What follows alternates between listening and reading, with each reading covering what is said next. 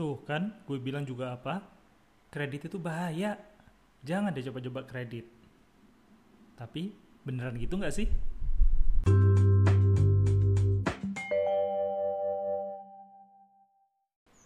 Selamat datang di podcast Duduk Santai, Duit dan Hidup Kita Obrolin Santai.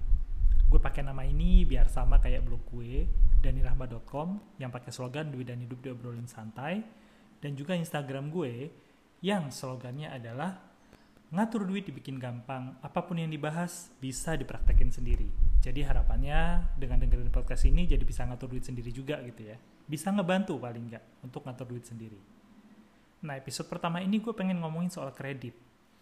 Kredit yang selama ini selalu didiskreditkan oleh banyak orang. Dibilang sebagai pengganggu keuangan orang, sebagai penghancur keuangan rumah tangga, sebagai penyebab suramnya masa depan keuangan. Pandangan jelek orang ini sudah berakar dari sejak lama.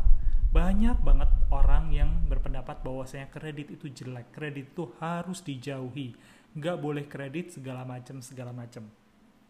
Pasti gue yakin sih salah satu dari teman-teman yang dengar di sini punya orang yang uh, punya kenalan orang yang punya pendapat yang sama tentang kredit ini. Bahwasanya kredit itu jelek, kredit itu harus dijauhi ya gue sendiri punya pengalaman jelek itu. Orang tua gue dulu kejebak sama utang kartu kredit. Ironisnya utang itu dipakai buat ngebiayain gue berangkat ke Jakarta. Waktu gue harus interview di tempat kerja pertama gue dulu tesnya di Jakarta sementara gue tinggal di Surabaya. Little that we know little that we knew kartu kreditnya bapak dipakai buat tarik tunai di mesin ATM akibatnya orang tua kejebak utang kartu kredit sampai sekitar dua tahun awal gue mulai kerja. Dari dua tahun itu kemudian akhirnya kami berusaha bekerja keras untuk melunasi kredit si utang kartu kreditnya bapak tadi. Tapi ya karena gue sendiri akhirnya nyemplung di industri perkreditan gitu ya di di bank karena gue kerja di bank gitu. Terus akhirnya gue tahu oh ternyata kredit itu seperti ini kredit itu bagus gitu. Nggak se apa nggak sejelek seperti yang dibilang sama orang-orang. Tapi ya gue paham sih memang. Apalagi kondisi sekarang ini yang semakin banyak pinjaman online bikin semakin banyak cerita-cerita yang jelek tentang kredit. Banyak orang yang bilang bahwasanya pinjaman online sangat berbahaya. Saya terjebak pinjaman online. Pinjaman online saya yang bermula dari saldo sekitar 1 juta rupiah sekarang berakhir di angka 32 juta rupiah. Orang terjebak di 5, 10, 18 atau berapapun lah platform pinjaman online tidak bisa melunasi. Parahnya lagi, mereka itu kena kayak yang pinjaman online yang gak terdaftar dan gak diawasin sama OJK, pinjaman-pinjaman online ilegal. Padahal nih, OJK itu udah ngatur ketat banget buat pinjaman-pinjaman online ini, apa aja yang boleh diakses dan gimana cara buat nagihnya. Nah, karena mereka pakai pinjaman online ilegal, mereka ditagihlah ke atasan mereka, ditagih ke teman-teman mereka, ditagih ke tetangga mereka, pakai apa namanya debt collector yang nelfonin gak sopan dan sebagainya. Makin-makin lah jelek cerita soal kredit ini. Tapi emang kredit sejelek itu ya? Maksud gue setelah gue kerja di bagian kredit ini sebagai jadi uh, setelah jadi tukang kredit, gue jadi ngerasa kayak hey kredit itu nggak sejelek itu men kredit itu banyak banget manfaatnya asalkan lu ngerti cara pakainya. Nah masalahnya orang-orang yang sebenarnya baik-baik saja nih sama kreditnya mereka kayak yang KPR baik-baik saja nyicil gitu banyak banget yang nanya ke gue gitu. Ini gue harus lunasin apa gimana ya? Better dilunasin atau dilunasin dicepet-cepet atau enggak ya? Uh, better diterusin atau enggak ya KPR-nya gue pengen cepet-cepet deh lunas dari kredit dan sebagainya. Kalau ngomongin soal riba dan sebagainya itu di luar pembahasan gue ada memang yang berpendapat kalau kredit itu riba dan mereka mau menghindari sejauh-jauhnya. Itu beda urusan beda omongan. Dari kredit itu baik atau buruk. Kredit baik atau buruk gue mau ngomongin dari sisi ekonominya dari sisi keuangannya. Dengan segala macam keyakinan orang bahwasanya kredit itu buruk, kredit harus dihindari, keuangan yang baik harusnya tidak punya kredit sama sekali, gue pengen kasih pandangan dari sisi yang lain. Because there are always the side of the story. Kredit itu nggak selamanya jelek. Ada kok sisi bagusnya kredit. tapi sisi bagus yang bagaimana karena gue sendiri kami sendiri keluarga gue sendiri pernah kejebak di utang kartu kredit itu nah gue mau bahas setelah ini gimana suara kambing barusan gue juga kaget tadinya mau ngambil suara gelas pecah gitu kan ternyata yang kepencet suara kambingnya adalah gue pakai aja gitu biar pada kaget. Nah gue mau ngomongin sisi lain kredit yang bisa bikin sejahtera nih. Gue suka banget pakai contoh pedagang pakaian. Misalkan ada satu orang pedagang pakaian bisa jualan sebulan 10 juta dia ambil profit 10% dari jualannya. Jadi kalau 10 juta rupiah per bulan dia jualan terus kemudian profitnya 10% sekitar sejuta gitu ya. Dia sebenarnya pengen ngegedein usahanya dia nggak cuma 10 juta doang. Tapi dia tight cashnya udah nggak punya lagi duit sejuta keuntungan diambil sendiri sama dia paling ditambahin jadi modal 100 ribu 500 ribu nggak banyak-banyak nah dengan kayak gitu kan usahanya jadi stagnan tuh nggak berkembang ya kalau ada yang bisa ditambahin ke modal kalau nggak ada ya 10 juta modalnya terus dia dapat sejuta sebagai penghasilannya dia dari jualan online itu. Yang bisa dia lakukan adalah dia harus nambah modalnya untuk bisa memperbesar skala usahanya. Nah, kalau misalkan dia punya duit cadangan, oke. Okay. Tapi kalau misalkan ternyata satu juta rupiah tadi itu memang dipakai buat kebutuhan hidup sehari-harinya dia, yang nggak bisa gimana-gimana dia, nggak bisa gerak, mau nggak mau ya tetap dengan 10 juta rupiah omset tadi. Datanglah kemudian dia ke bank kebetulan ini orang rajin nyatet, bagus, rapi gitu, ada semua catatan dari A sampai Z.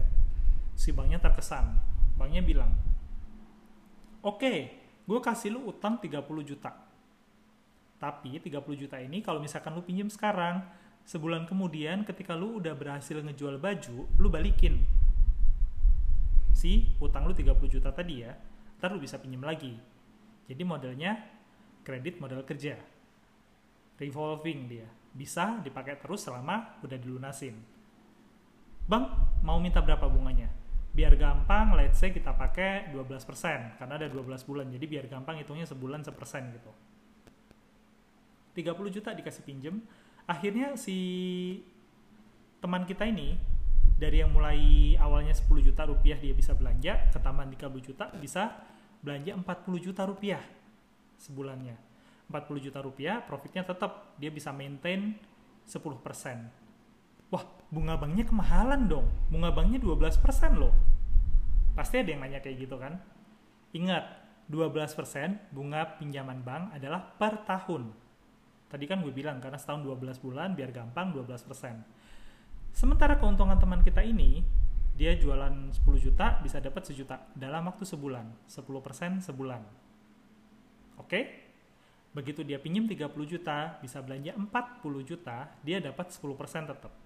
Total keuntungan jadi 4 juta rupiah. Kebutuhan hidupnya dia 1 juta rupiah. Dia masih ada sisa 3 juta rupiah. Apakah itu bersih semuanya dia makan? Enggak.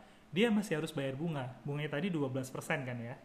Berarti sebulan kalau misalkan dia pakai 30 juta, 30 juta dikalikan 12% dibagi 12 karena hanya satu bulan berarti sekitar 1%. 30 juta 10 persennya 3 juta 1 persennya 300 ribu berarti teman kita ini dapat tambahan keuntungan 2 juta 700 ribu on top of 1 juta yang sudah dia ambil untuk kebutuhan hidupnya 2 juta 700 ribu ini bisa dipakai dia buat apa? Dia ada kebutuhan hidup barukah atau tidak? mari kita asumsikan teman kita ini adalah orang yang sangat hemat dia nggak nambah lagi kebutuhan hidupnya cukup dengan satu juta rupiah yang sudah dihasilkan uh, seperti sebelum dia berhutang. Ada free cash flow 2,7 juta. 2,7 juta dia masukkan lagi ke usahanya. Kemudian dia pinjam lagi ke bank 30 juta plus 10 juta, 40 juta tambah 30 juta tambah 2,7, 42 juta 700 ribu. Terus kemudian dia dapat untung 10% lagi. Kalau sebelumnya dapat 4 juta saja, sekarang dapat 4,2 juta karena modalnya 42 juta. 4,2 juta dia masih harus bayar bunga 300 ribu. Sejuta dia ambil, sisa 3,2 bayar bunga 300 ribu. 3,2 dikurangi 300 ribu jadi 2,9 yang sebelumnya 2,7. Begitu seterusnya. Keuntungan yang tidak dimakan sebagai biaya hidup dimasukkan sama dia lagi ke dalam modal usaha modal usaha akan semakin berkembang. Awalnya nambah 2,7, kemudian nambah 2,9, nambah 3, something seterusnya. Selama setahun dia bayar bunga 12% dari 30 juta. Asumsi dia pakai selama setahun penuh 30 juta. 30 juta kali 12%. Hanya 3,6 juta dia bayar. Per bulan berarti 300 ribu. Dengan kayak gitu, bisnisnya dia yang semula modalnya hanya 10 juta bisa bertambah dengan ditambah 2,7, 2,9, anggap saja misalkan rata 2,7 selama 12 bulan. Bisa bertambah 27 juta, 30 juta modalnya dia nambah. Semakin besar usahanya dia, kebutuhan hidupnya tetap di, di angka 1 juta. Dengan seperti itu, apakah teman kita ini bisnisnya tetap seperti ketika dia berjalan dengan modalnya dia sendiri yang hanya 10 juta? Tidak. Tentu saja usahanya dia akan jauh lebih berkembang. Mungkin setelah setahun dia memanfaatkan utang bank tersebut, dia kemudian bisa memperkerjakan, mempekerjakan satu orang untuk membantu dia packing, membantu dia menerima pesanan. Semakin lama usahanya semakin berkembang, terus kemudian nambah jadi dua orang, terus kemudian dia memutuskan untuk membuka tokonya sendiri, setelah jadi toko, semakin bertambah lagi dengan asumsi teman kita ini disiplin membayar pinjaman dan juga disiplin dalam memaintain biaya hidupnya. Tidak menutup kemungkinan usaha teman kita ini akan bisa menjadi usaha yang besar. Punya konveksi, terus kemudian punya brand sendiri, clothing line sendiri, usahanya mendunia. Banyak cerita yang seperti ini. Kenapa? Dia bisa bisa uh, usahanya dia bisa sebesar itu karena dia berani memanfaatkan pinjaman bank tadi dan dia disiplin menggunakannya.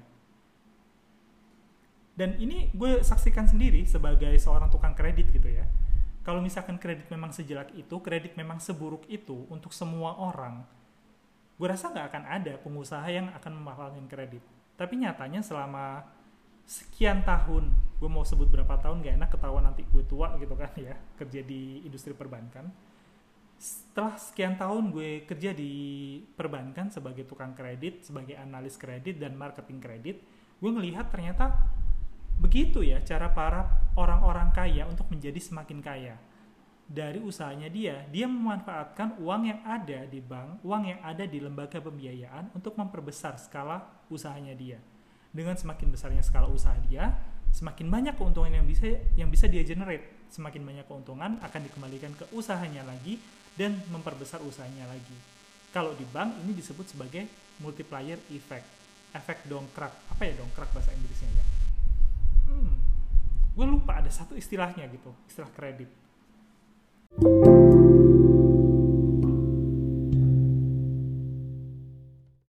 Nah, dari situ kalau misalkan apa namanya kita itu benar-benar bisa memanfaatkan utang, akan bisa banyak manfaat yang bisa kita dapat gitu kayak gue misalkan ya uh, di satu di satu saat di selama karir gue bekerja di industri perbankan ini gue sempat memang kepikiran apakah benar nih yang gue lakukan? Apakah ada justifikasi yang bisa gue pakai untuk membenarkan keputusan gue untuk bekerja di industri perbankan ini? Di suatu saat itu gue memberikan kredit sekitar beberapa puluh kalau nggak ratus juta dolar gitu ya ke satu proyek uh, proyeknya ini untuk pembangun apa pembangunan pembangkit listrik di Jawa Tengah oleh salah satu perusahaan uh, coal terbesar di Indonesia. Coal mining company, mereka bangun uh, satu proyek pembangkit listrik. Ketika gue nganalisa gitu kan, wah sekian ratus juta dolar, terus kemudian sindikasi dengan berbagai macam bank, gue melihat dari kredit yang gue kasih nih, ternyata apa yang gue kerjakan, gue harus stay di kantor sampai malam, menganalisa begitu banyaknya data-data, membuat proyeksi yang panjang tentang kelangsungan bisnis, kelangsungan usaha, dan sebagainya. Begitu nanti si perusahaan ini dapat kredit, perusahaan ini akan bisa, apa namanya, akan bisa menjalankan proyeknya mereka. Ketika mereka menjalankan proyek, banyak orang yang harus mereka pekerjakan sesuai dengan keahlian masing-masing yang dibutuhkan oleh si perusahaan ini untuk bisa membangun si pembangkit listriknya. Misalkan saja mereka harus memperkerjakan seribu orang. Seribu orang ini masing-masing orang misalkan punya keluarga di rumah yang bergantung pada penghasilan orang tersebut. Satu orang yang bekerja menghidupi tiga atau empat orang yang lain di rumah. can you imagine from 1000 people working for that project ada 4000 orang yang kemudian 4000 sampai 5000 orang misalkan yang kemudian bisa mendapatkan manfaat dari proyek tersebut. Apa yang terjadi kalau misalkan gue nggak kasih kredit itu? Apa yang terjadi kalau misalkan bank bilang nggak mau membiayai kredit itu? Nggak ada bank yang mau membiayai kredit itu. Atau dibilang kredit jelek tidak boleh ada kredit di dunia ini misalkan. Proyek-proyek semacam itu tidak akan bisa berjalan. Kesejahteraan yang bisa tercipta di sekitar proyek itu juga tidak akan terjadi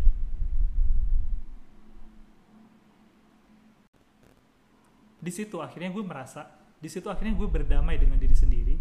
Yes what I've been doing is a good thing. Kredit itu bagus karena kredit bisa menciptakan kesempatan-kesempatan untuk lebih banyak orang. Tapi kemudian pertanyaannya adalah apakah kredit untuk per, apa personal itu juga bisa memiliki efek yang sebagus itu? Kredit konsumtif apakah bisa? Ya bisa tentu saja. Kenapa enggak kayak misalkan KPR orang memang butuh rumah butuh tempat tinggal selama mereka belum KPR mereka harus let's say cost kontrak nyewa dan sebagainya dengan biaya 2 juta 3 juta per bulan tapi ketika mereka kemudian mau KPR, mereka harus mengeluarkan biaya yang kurang lebih sama untuk membeli rumah. Ya mungkin kalau awalnya mereka harus keluarkan 2 juta, 3 juta, kemudian mereka harus keluarkan tiga setengah juta. Tiga setengah juta rupiah per bulan, ini bisa dijustify karena mereka kemudian mendapatkan aset berupa rumah, ya mereka harus membayar beberapa lama, 10 tahun, 15 tahun.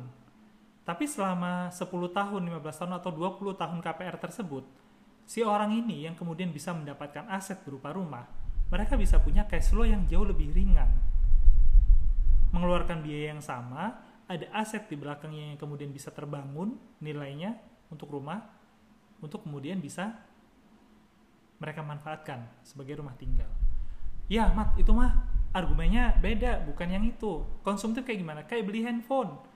Itu kan nggak nggak bagus tuh kayak misalkan beli handphone terus pakai kredit dan sebagainya kartu kredit buat uh, makan pay later buat jajan dan sebagainya nah kalau di situ misalkan buat handphone zaman sekarang siapa yang tahu handphone bisa dipakai buat apa semua orang tahu sih ya kayak gue ngerekam podcast ini pakai handphone gitu jadi kalau misalkan ada orang mau beli handphone terus kemudian pakai kredit ya gue nggak bisa serta merta ngejudge tuh orang konsumtif tuh orang nurutin gaya hidup doang hanya untuk bisa membeli handphone. Siapa tahu dia memang perlu.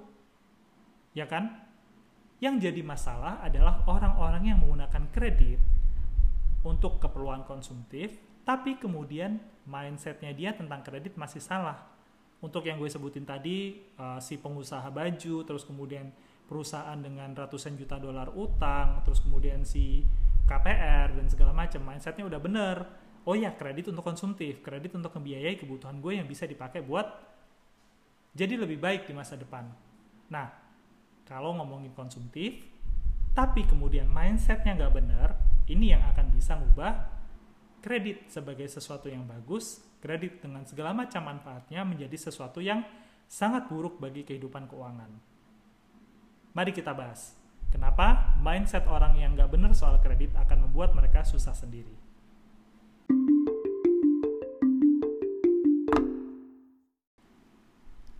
soal mindset. Kredit yang kemudian jadi masalah, menurut gue itu bukan salah kreditnya.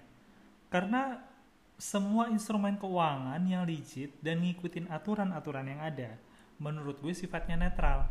Tinggal gimana nanti kita yang pakai nih memanfaatkan itu instrumen, termasuk salah satunya kredit. Nah, kalau misalkan kemudian kredit yang memang benar dari institusi yang memang menyalurkan kredit kerjaannya, terus jadi bermasalah. Ini pertanyaannya dari banyak kasus menurut pengalaman gue adalah kenapa kok bisa jadi bermasalah dan gimana sih peminjamnya menyikapi kreditnya. Banyak kejadian yang ternyata kemudian jadi kredit macet gara-gara si peminjam ini gak disiplin. Gak disiplin apa? Gak disiplin buat bayar kredit atau bahkan gak disiplin make duit kreditnya. Kayak misalkan kredit modal kerja dikasih buat beli bahan baku, produksi, jualan, dan seterusnya. Ternyata dipakai buat beli hotel, dipakai buat investasi. sama-sama benar sebenarnya penggunaannya buat modal kerja benar buat investasi benar. Tapi karena kreditnya buat modal kerja jangka pendek dipakai buat investasi jangka panjang akhirnya nggak bisa balik duitnya. Kenapa? Karena buat modal kerjanya dia nggak punya duit. Buat beli bahan baku buat produksi buat segala macam nggak ada duit. Karena kredit modal kerjanya dipakai buat investasi tadi. Sama gitu juga buat yang konsumtif yang tadi katanya beli handphone buat gantiin handphonenya yang rusak gak ada yang salah sebenarnya dengan kredit itu. Tapi kemudian jadi masalah ketika misalkan ketika jatuh tempo nggak dibayar lunas. Ada bunga numpuk bunganya. Cicilan 0% ketika jatuh tempo misalkan tanggal 28 gajian 25 mikir aduh kalau misalkan aku bayar semua duitku kurang nanti sampai akhir bulan. Dibayar sebagian.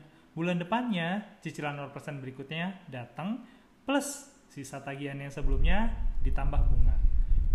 Kalau sebelumnya aja udah kurang yang pasti bulan depan dengan tagihan yang lebih gede lebih kurang lagi.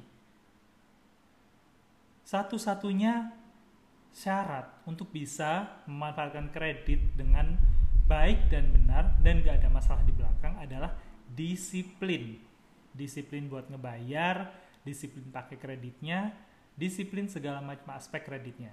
Jangan sampai nggak disiplin. Waktunya bayar bunga ya bayar bunga, waktunya bayar cicilan ya bayar cicilan. Jangan sampai kepikiran, ini ntar gue bayar yang tagihan ini bulan depan aja deh. Tagihan bulan yang ini deh. Gue nggak mau bayar sekarang karena gue masih butuh duitnya. Jangan sekali-sekali mindset itu yang kurang dari banyak orang yang kemudian akhirnya jadi bikin kreditnya bermasalah. Jadi yang salah bukan kreditnya, yang salah adalah cara pikir orangnya. Dan kemudian di banyak kasus juga yang kemudian terjadi setelah menjadi masalah si kredit itu, orang-orang ini entah gimana caranya gue nggak ngerti bisa kepikiran dari mana mereka mikir ih kredit kan jahat riba ada bunga dan sebagainya bla bla bla bla. Kemudian mereka berpikir untuk tidak membayar. Karena mereka menolak riba katanya. Padahal kreditnya sebelumnya sudah dinikmati sama dia. Gue mau nutup podcast episode pertama gue ini dengan quote dari orang tua gue kalau kamu pinjam uangnya orang berapapun itu kamu harus kembalikan. Karena itu bukan uang kamu bukan hak kamu kalau kamu sampai nggak kembalikan uangnya orang, hidup kamu nggak akan pernah bahagia. Jadi, mari kita benerin mindset kita tentang kredit. Karena kredit adalah instrumen yang netral dan bisa sangat bermanfaat untuk keuangan kita. Mamat di podcast Duduk Santai episode pertama. Terima kasih sudah dengerin. See you. Sampai jumpa lagi di episode berikutnya.